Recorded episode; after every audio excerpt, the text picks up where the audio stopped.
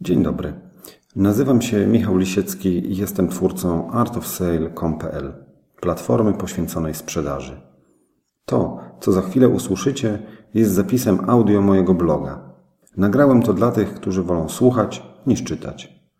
Każdy plik audio jest zapisem jednego miesiąca prowadzenia bloga. Dla tych, którzy chcieliby być na bieżąco z najnowszymi wpisami, a także z materiałami audio i wideo, zapraszam na stronę artofsale.com.pl. Zachęcam również do bezpośredniego kontaktu pod adresem kontakt małpa artofsale.com.pl. Życzę miłego słuchania i dobrej zabawy. Pozdrawiam, Michał Lisiecki. Marzec 2012. Słaby snajper, który dobrze się sprzedaje. 5 marzec 2012.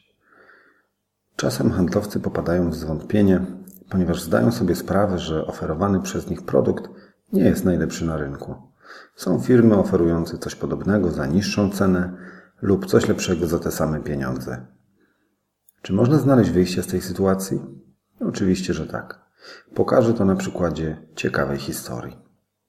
Co jakiś czas w telewizji można zobaczyć całkiem niezły film pod tytułem Wróg u bram. Głównym bohaterem jest Wasilij Zajcew, snajper, którego gra Jude Law. Każdy, kto widział film, z pewnością kojarzy postać Zajcewa. A czy mówi Wam coś nazwisko Simo Haya? Proszę nie rzucać się do googlowania. Korzystajcie tylko z zasobów we własnych głowach. Zgaduję, że pewnie niewiele. Simo był fińskim snajperem, który ustrzelił 705 wrogów. Wasylij Zajcew miał na koncie tylko 125 ludzi. Mamy oto naszą analogię. Z jednej strony Simo z bardzo dobrym wynikiem, lepszy produkt, z drugiej Wasylii z dużo gorszym wynikiem, gorszy produkt. Jednak to gorszego Wasylija zna połowa świata, ale przy Simo jest kojarzony tylko przez kilku pasjonatów II wojny światowej. Gdyby postawiono przed nami zadanie, wypromujcie Zajcewa, nawet jeśli ma gorsze wyniki, to w jaki sposób moglibyśmy osiągnąć sukces? Moglibyśmy zauważyć, że Wasylij strzelał głównie do wrogich oficerów, których strata dla armii była bardziej dotkliwa niż zwykłych szeregowców. W ten oto sposób siał większy zamęt w szeregach wroga niż Simo, który brał na cel każdego, kto nosił nieprzyjacielski mundur. Właśnie na tym przykładzie można dostrzec, że potencjalnie słabsze produkty również mogą być sukcesem sprzedawane. Konieczne jest znalezienie i uwypuklenie przynajmniej jednej cechy, która wyróżni słabszy produkt ponad lepszy. Cecha ta nie musi nawet tkwić w samym produkcie.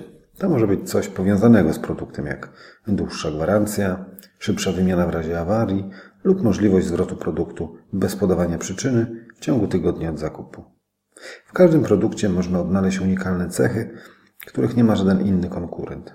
A jeśli wydaje się, że ich nie ma, wówczas należy je stworzyć, na przykład przez odpowiednią obsługę posprzedażową.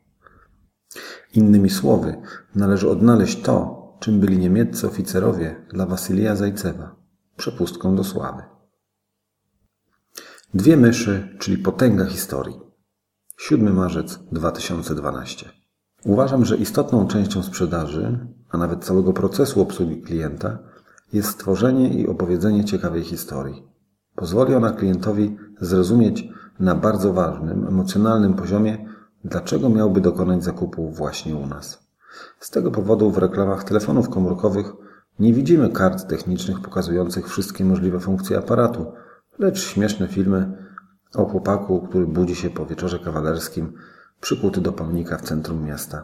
I tylko dzięki telefonowi udaje mu się zdążyć na własny ślub. Opowiadanie historii możemy stosować również w stosunku do nas samych, kiedy dopadają nas czarne myśli. Uczucie wypalenia lub zniżki formy są nieodłączną częścią pracy, nie tylko handlowców. Czasem po prostu wątpimy we własne siły przed spotkaniem z klientem. Inspirująca historia pozwala podźwignąć się z dołka i ruszyć do przodu, a w przypadku chwilowej niemocy dodaje nam po prostu sił, niczym batonik z reklamy. Jedną z najciekawszych historii motywacyjnych, jakie zdarzyło mi się poznać, usłyszałem po raz pierwszy w filmie Złap mnie, jeśli potrafisz. Jej prostota i jasność przekazu do dziś mnie zadziwiają. Nawet jeśli ją znacie, to i tak warto ją przeczytać. Brzmi ona tak. Dwie myszy wpadły do wiadra ze śmietaną. Pierwsza mysz szybko się poddała i utonęła.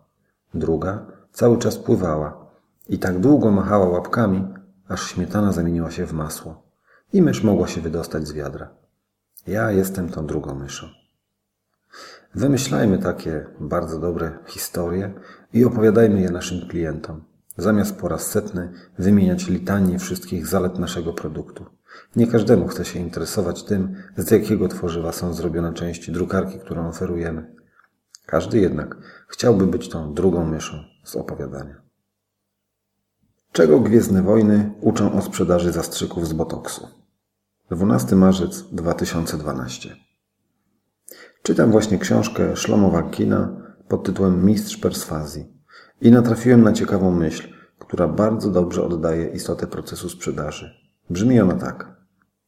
Jeśli klient nie dąży do sfinalizowania transakcji, to albo kojarzy z kupnem większe cierpienie niż przyjemność, albo kojarzy z rezygnacją większą przyjemność niż cierpienie. Tych kilkanaście słów pokazuje, o co naprawdę chodzi w biznesie sprzedażowym. Chodzi o to, o co w całym życiu większości ludzi dążenie do przyjemności i unikanie cierpienia. Zadaniem handlowca jest uświadomienie klientowi przyjemności związanych z zakupem produktu oraz pokazanie cierpienia, jakiego dozna, jeśli nie kupi.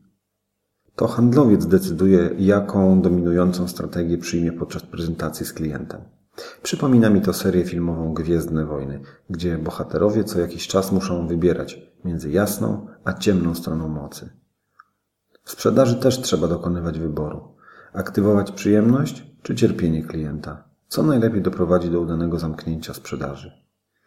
Jakkolwiek ciemna strona mocy została w Gwiezdnych Wojnach przedstawiona w nieco negatywnym świetle, ale w końcu nawet Lord Vader okazał się godny polubienia. Dlatego w rzeczywistości handlowej wybór między aktywacją cierpienia a aktywacją przyjemności wcale nie jest wyborem między dobrem a złem. Wszystko zależy od punktu widzenia klienta. Bardzo wielu ludzi, ośmielę się stwierdzić, że ponad 50% dorosłej populacji w naszej części świata wie bardzo dobrze, czego nie chce. Tacy ludzie kierują się w życiu raczej zasadą unikania cierpienia. I ten język, te argumenty, które utwierdzą ich w przekonaniu, że unikną nieprzyjemności kupując nasz produkt, doprowadzą do sfinalizowania transakcji. Niektóre produkty kupuje się wyłącznie po to, aby uniknąć cierpienia. Ubezpieczenia, szkolenia, chleb, pastę do zębów, papier toaletowy, dezodoranty, operacje plastyczne, zastrzyki botoksu. Dokładnie tak, zastrzyki z botoksu. Pokażcie klientom tarapaty, w jakie się wpakują, jeśli nie skorzystają z Waszej oferty, albo doprowadźcie ich do prawie namacalnego poczucia przyjemności, którego doświadczą, kiedy już kupią. Najlepiej zastosować trochę jednego i trochę drugiego z przewagą tego elementu, na który klienci są bardziej czuli. Jak się tego dowiedzieć? Na przykład rozpoczynając od niezobowiązującej rozmowy o niczym na początku spotkania. Wielu klientów podczas takiej pogawędki potrafi przekazać nam sygnały świadczące o ich postrzeganiu świata, podejściu do życia. Ujawnią nam sami, że ich szklanka jest do połowy pełna albo do połowy pusta. Korzystajmy zatem z tej możliwości, aby podjąć decyzję, czy stajemy po ciemnej, czy po jasnej stronie mocy. Trening mentalny, efekty realne. 14 marzec 2012. Pamiętacie film Oldboy z 2003 roku? Na samym początku główny bohater spędza z niewiadomych przyczyn 15 lat uwięziony w całkowitym odosobnieniu.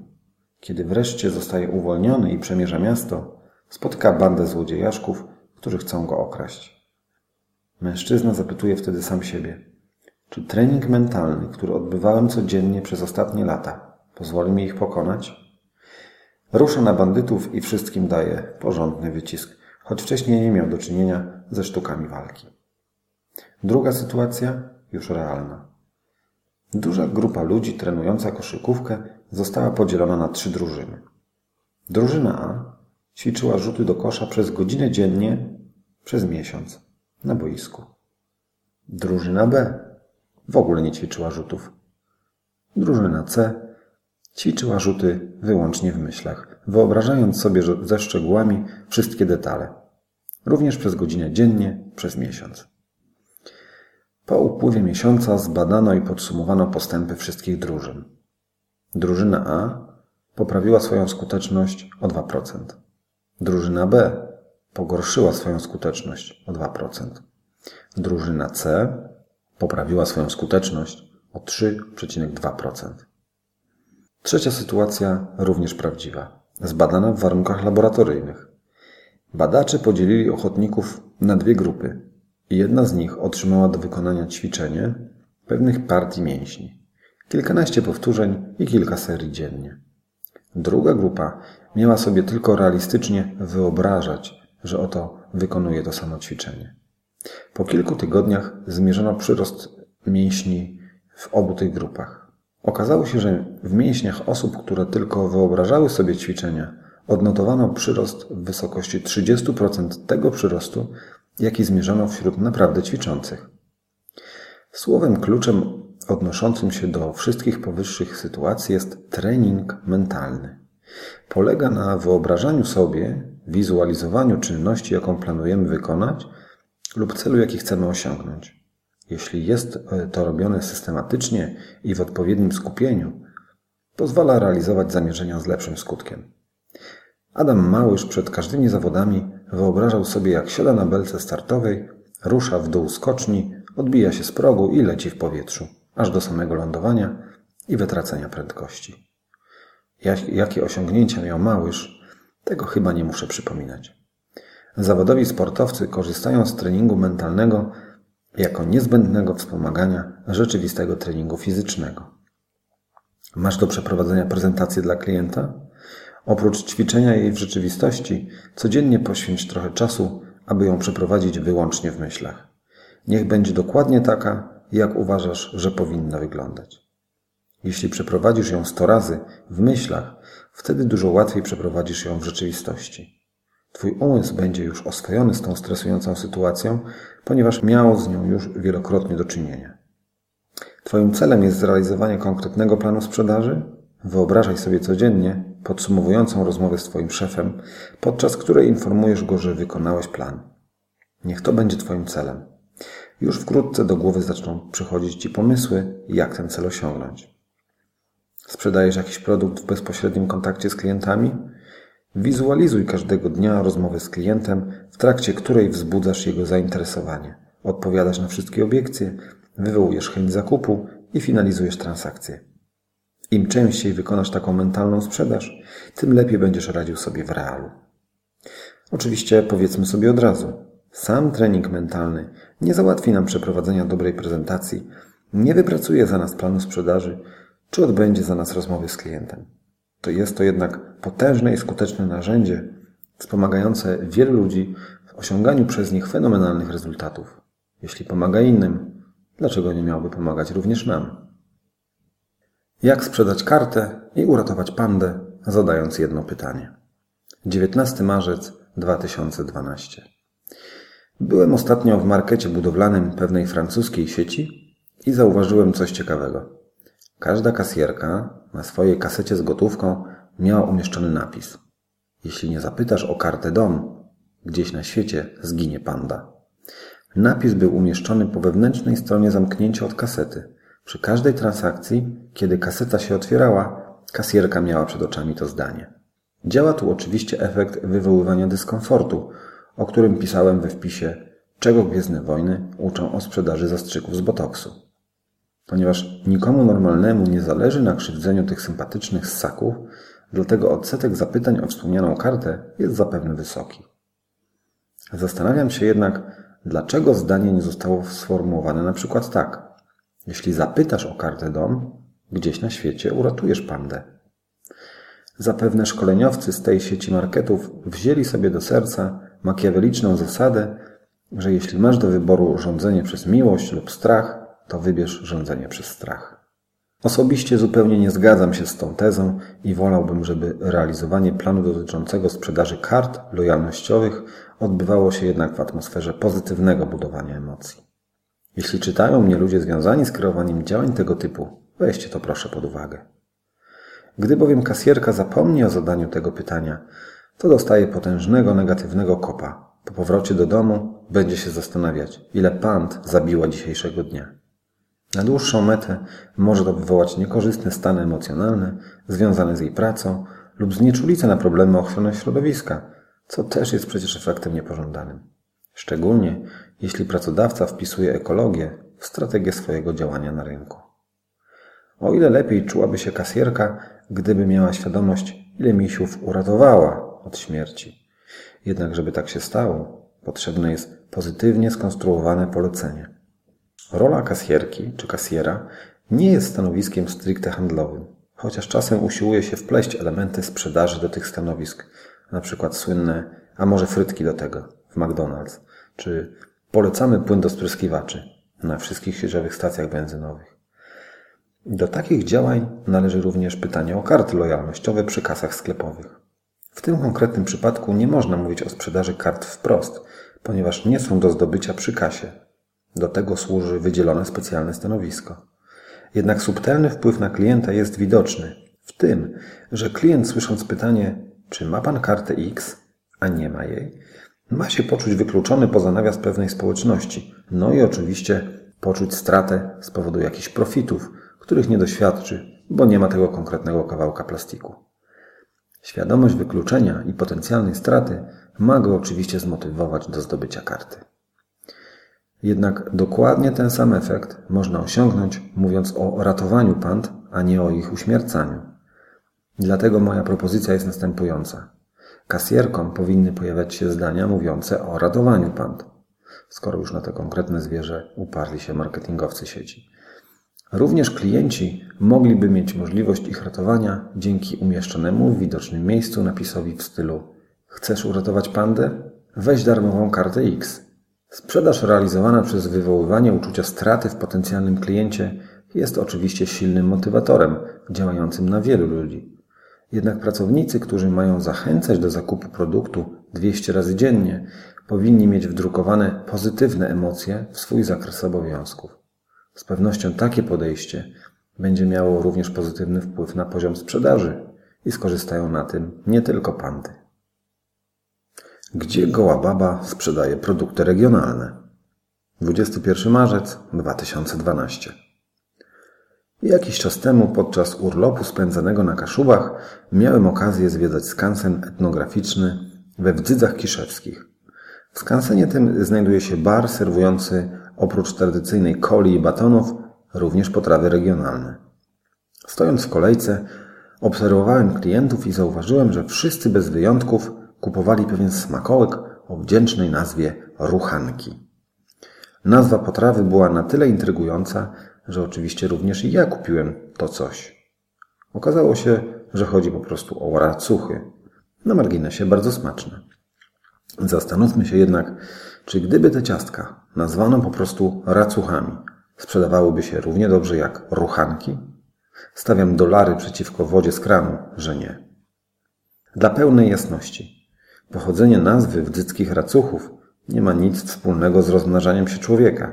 Natomiast w dzisiejszych czasach słowo to wywołuje jednak ściśle określone skojarzenia.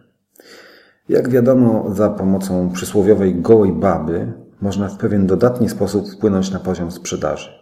No tak to już jest, że bazowanie na podstawowych odruchach ludzkich daje efekt w postaci zwrócenia uwagi odbiorcy przekazu na instynktowny bodziec. Pozostaje mieć nadzieję, że klient mimochodem zauważy również produkt spoczywający gdzieś obok wyzwalającego zainteresowanie impulsu. Czasem nie potrzeba nawet graficznej reprezentacji golizny w czystej formie. Wystarczy zastosować jakieś skojarzenie odnoszące się do tej sfery ludzkich zachowań. Przykład? Tytuł tego wpisu. Czy już sama wzmianka zastosowana w tytule nie skłoniła co niektórych do zainteresowania się tym, co będzie dalej? Podobnie jest z kaszubskimi racuchami. Ich niekonwencjonalna nazwa wyzwala w naszych głowach zaciekawienie, ponieważ w pewien sposób odnosi się do tej sfery, o której nie rozmawia się publicznie z przypadkowo poznanymi ludźmi. Ruchanki są pozytywnym przykładem wykorzystania siły przyciągania gołej baby w bardzo subtelny i humorystyczny sposób. Dla tego typu produktów sprawdza się doskonale, czego nie można powiedzieć o innych przykładach, które w mniej lub bardziej oczywisty sposób wykorzystują nasze instynktowne radary, aby sprzedać nam gładzie szpachlowe, stal ciągnioną czy reklamy wielkopowierzchniowe. Gratuluję zatem kaszubskim przedstawicielom branży gastronomicznej udanego wykorzystania jednoznacznych skojarzeń do zwiększenia sprzedaży swoich racuchów. Tym bardziej, że zrobili to nie łamiąc zasad dobrego smaku.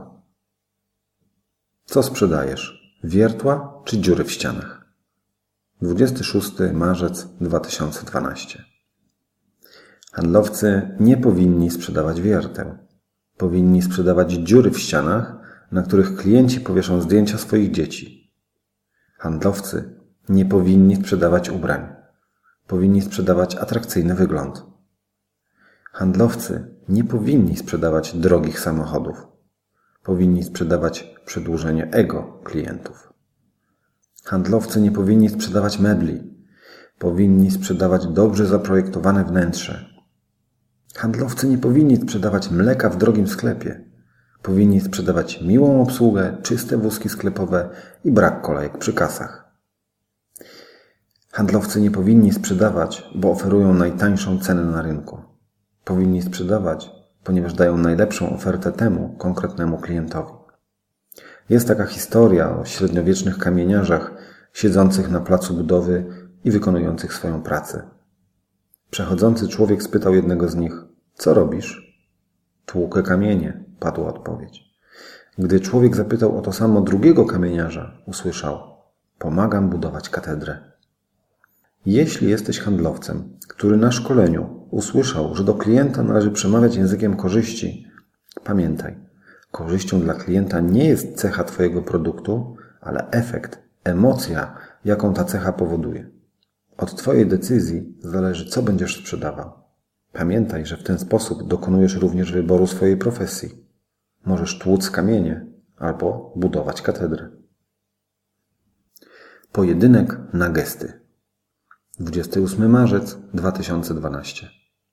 Ostatnio głośno zrobiło się na temat krótkiej rozmowy, jaką odbył Barack Obama z Dimitrijem Miedwiediewem.